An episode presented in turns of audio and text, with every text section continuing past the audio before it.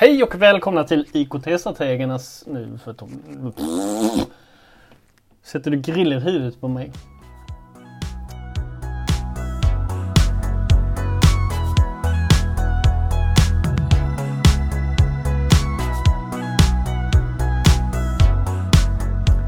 Hej och välkomna till IKT-strategernas podcast.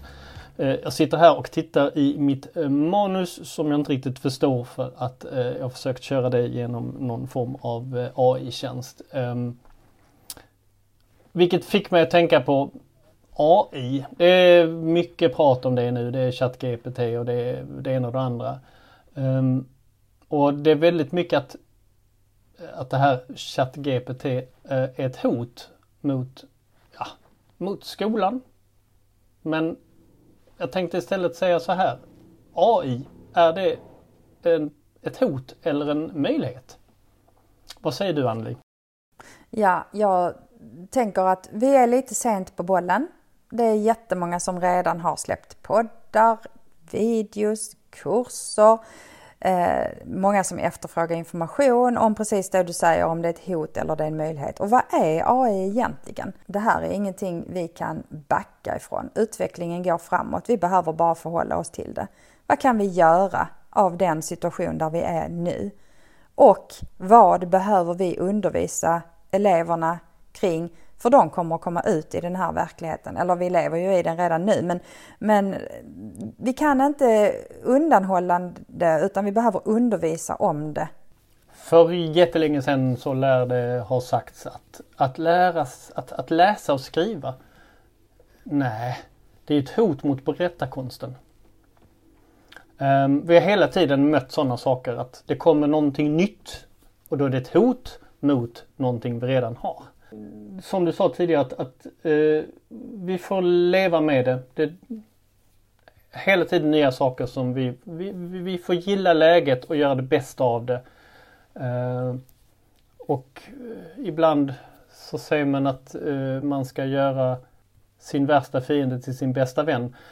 Exakta formuleringen kan jag inte. Men, men ehm, Ta reda på så mycket du kan, lär dig så mycket du kan titta på vilka möjligheter som finns och hur, på vilket sätt behöver du ändra ditt sätt att tänka och att förhålla dig till hur, hur det nya fungerar.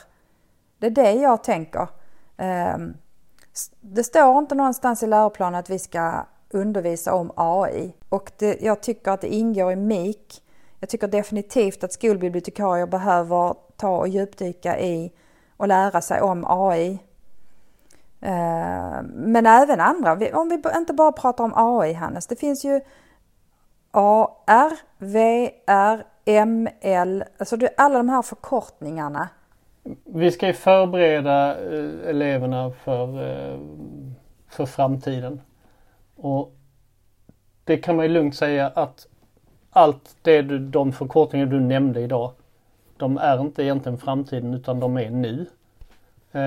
Och då måste vi liksom ta reda på vad är det? Hur ska vi jobba med det? Um, och det enda sättet är att jag som person faktiskt visar lite intresse och, och, och söker suga i mig lite grann.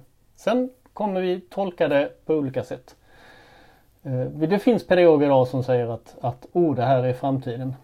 Men uh, det är också pedagoger som säger att det är ett hot mot framtiden. Det finns som sagt kurser man kan gå ehm, för att lära sig alla möjliga olika, men också omvärldsbevaka. Gå på, på mässor och, och eh, lyssna på föreläsningar. Och, eh, jag satt och tänkte vidare på de här begreppen. Jag tänker VR.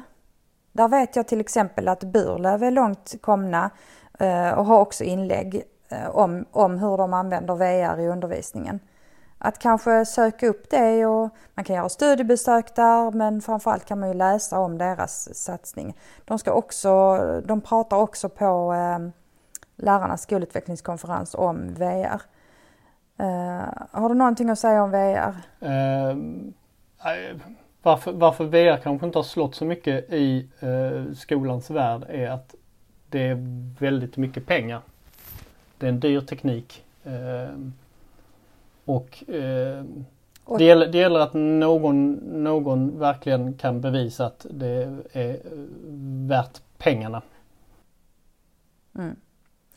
Och VR står för virtual reality och handlar egentligen om att man kliver in i en virtuell värld, vilket betyder att man behöver ha den här virtuella världen framför ögonen och det är därför man, det är teknik man behöver köpa in.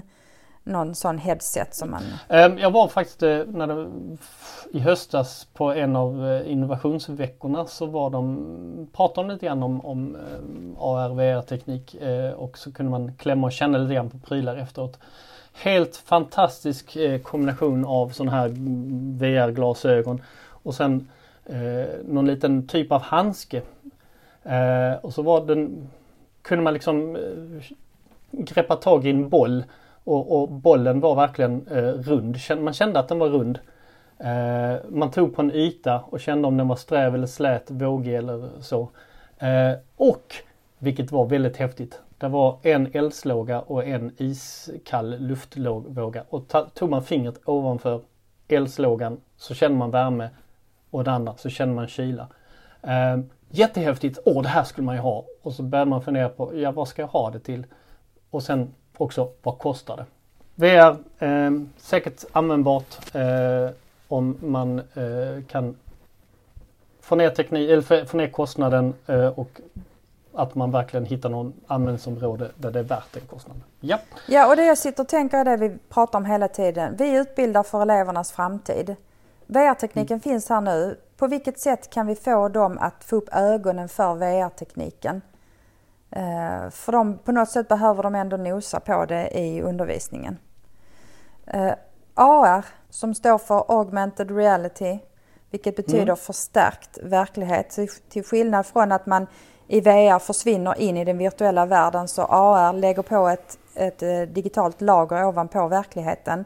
Som till exempel Pokémon Go är då eh, ett väldigt känt. Eller, eller i, i, Ikeas app där du liksom faktiskt i hemmet kan plocka fram eh, soffan, Sixten, placera den runt och se om mm, gör den sig bra i hemmet. Två eh, helt skilda användningsområden på AR. Det ena är för spel och ha kul och det andra är för att verkligen funktionellt att möblera sitt hem och testa. Ehm, den tekniken i skolan då? Den eh, finns ju ehm, i alla fall, eh, vi har ett antal eh, skolor som, som använder AR i undervisningen mer eller mindre.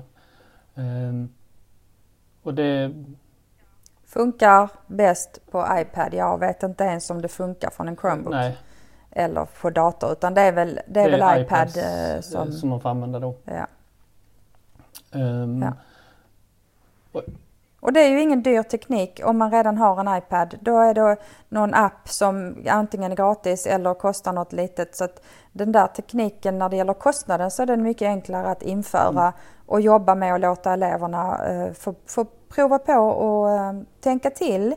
För jag tänker att för mig är det inte viktigt det är inte bara viktigt att de testar appen och lär sig det som appen är tänkt för. Till exempel när man lägger på ett lager med organ ovanpå mm. en kropp som man kan titta in. Och så. Utan för mig är det också viktigt att man diskuterar vad kan den här tekniken användas till?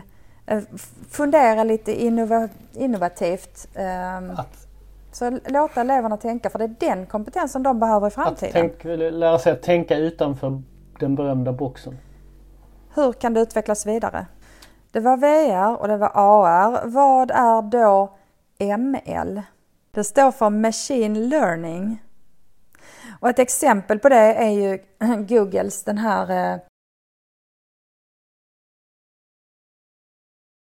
även där fundera kring vad är det maskinerna lär sig? Till? Det har varit mycket prat om det, till exempel att jag tror det var Googles algoritm som läste av en massa bilder och eh, fick fram att gorillor såg ut ungefär likadant som svarta människor. Så att när det kom en bild på svarta människor så föreslog den att äh, men det är nog gorillor på den här bilden och det blev ramaskri. Så att eh, eh, maskinen är ju inte smartare än vad vi gör den. Det är vi som matar in faktan och det blir därefter. Och det behöver man ha med sig, att maskinen tänker ju inte själv utan det, det är vi som förser den med underlaget. Och i den här QuickDraw så är det vi som har försett maskinen med, med innehållet. QuickDraw går ut på att det kommer ett ord. Man kan ställa in det på olika språk men det kommer ett ord. Och då ska man rita och så ska maskinen eh, gissa vad det är jag har ritat. Och den lär sig då, om det till exempel är en sko man ska rita, så lär den sig vad vi tycker är en sko. Eftersom det är så många människor över hela världen som kan då rita in skor så blir det olika typer av skor. De hamnar i olika, eh, om de hamnar framifrån eller sidan ifrån, om det är herrskor eller damskor eller vad det är. Så, och så lär den sig vad en sko är och efterhand blir den snabba på att gissa.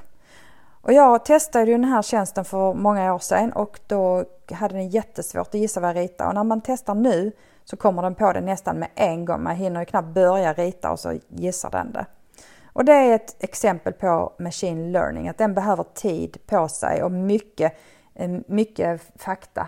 Och då, det används ju väldigt mycket tror jag att man laddar in liksom databaser med mycket fakta Eh, som den då genererar svar utifrån. Det, det jag tycker är lite häftigt eh, liksom så, tillbaka i historiken. Jag säger ofta att man går tillbaka i historiken. Eh, om vi tar eh, eh vad heter det, schackdator. Eh, där där eh, vi hade schackdatorn som slog världsmästaren i schack. Ehm, och sen så lät man schackdatorn ehm, faktiskt eh, bli utmanad av andra schackdatorer. Ehm, och sen helt plötsligt så vann eh, schackdatorn i kombination med eh, schackspelaren mot den tidigare schackdatorn. Och sen när man i princip sa till två datorer att nu ska ni lära er att spela schack. Reglerna är så här. Ni har de här pjäserna, de flyttar sig så, förutsättningar så. Spela. Och så börjar de bara sätta ut en bonde på varsitt håll. Oj, jaha, mm, det var inte så bra. Nej, okej, okay, då provar vi den. Nej, jag förlorade, prova den. Och det här går ju så otroligt snabbt när de spelar mot varandra. Att, att två datorer lär varandra att spela schack. Och vi har även i spelindustrin när man eh, faktiskt har kommit så långt att man eh, låter eh, figurerna, eh, individerna i spelen eh, lära sig själva. Ifrån, man sätter upp en miljö och lite förutsättningar och så går den här lilla monstret omkring och känner liksom så att jaha nej där kan jag inte gå. Där går jag liksom och jag möter, en, möter ett annat monster som har de här egenskaperna. Hur ska jag göra för att kunna att, den, att, att de skapar sig själva på ett sätt. Att det inte är jag som programmerare som säger att om du möter den så ska du göra så utan den lär sig ha förutsättningar och sen får den lära sig själv. Frågan är när det här kommer in i de digitala läromedlen. Precis. Mm, machine learning. Mm, machine learning. Om vi då återvänder till AI, vi tog en liten eh, omväg här eh, runt. AI, mm. inte lika lätt att förklara. Men det står ju för mm. artificiell intelligens. Och då ska jag läsa en text. AI är ett område inom datavetenskap som fokuserar på att skapa maskiner som kan tänka och agera som människor. AI är ett brett begrepp som omfattar en mängd olika tekniker såsom maskininlärning, så det är alltså underordnat artificiell intelligens, eh, naturlig språkbehandling, robotik och datorseende. AI har potential att revolutionera många branscher och utbildning är inget undantag. AI kan användas för att automatisera många av de vardagliga uppgifterna i samband med undervisning och lärande, vilket frigör tid för lärare och elever att fokusera på mer meningsfulla aktiviteter. Och det är ju ett positivt sätt att se det. Men jag tror, om vi bara ska summera vad vi pratat om här, det är att modern teknik kommer mm. och den utvecklas och vi behöver förhålla oss till det och vi behöver undervisa om det. Och jag skulle vilja säga att om du inte kan någonting om detta så behöver du lära dig det. Eh, och om du inte kan lära dig det själv så kroka arm med någon eller signa upp dig för någon utbildning. Det finns jättemycket olika kurser kring de här sakerna att lära sig. Ehm, ja, ta hjälp av varandra eh, och fundera kring hur ni får in det i undervisningen. Var det en bra eh, summering? Det var en jättebra Eller vill du summering. säga någonting mer? Nej, det var en jättebra Mm. summering. Ja. Okej, Mm. tack för idag. På återhörande.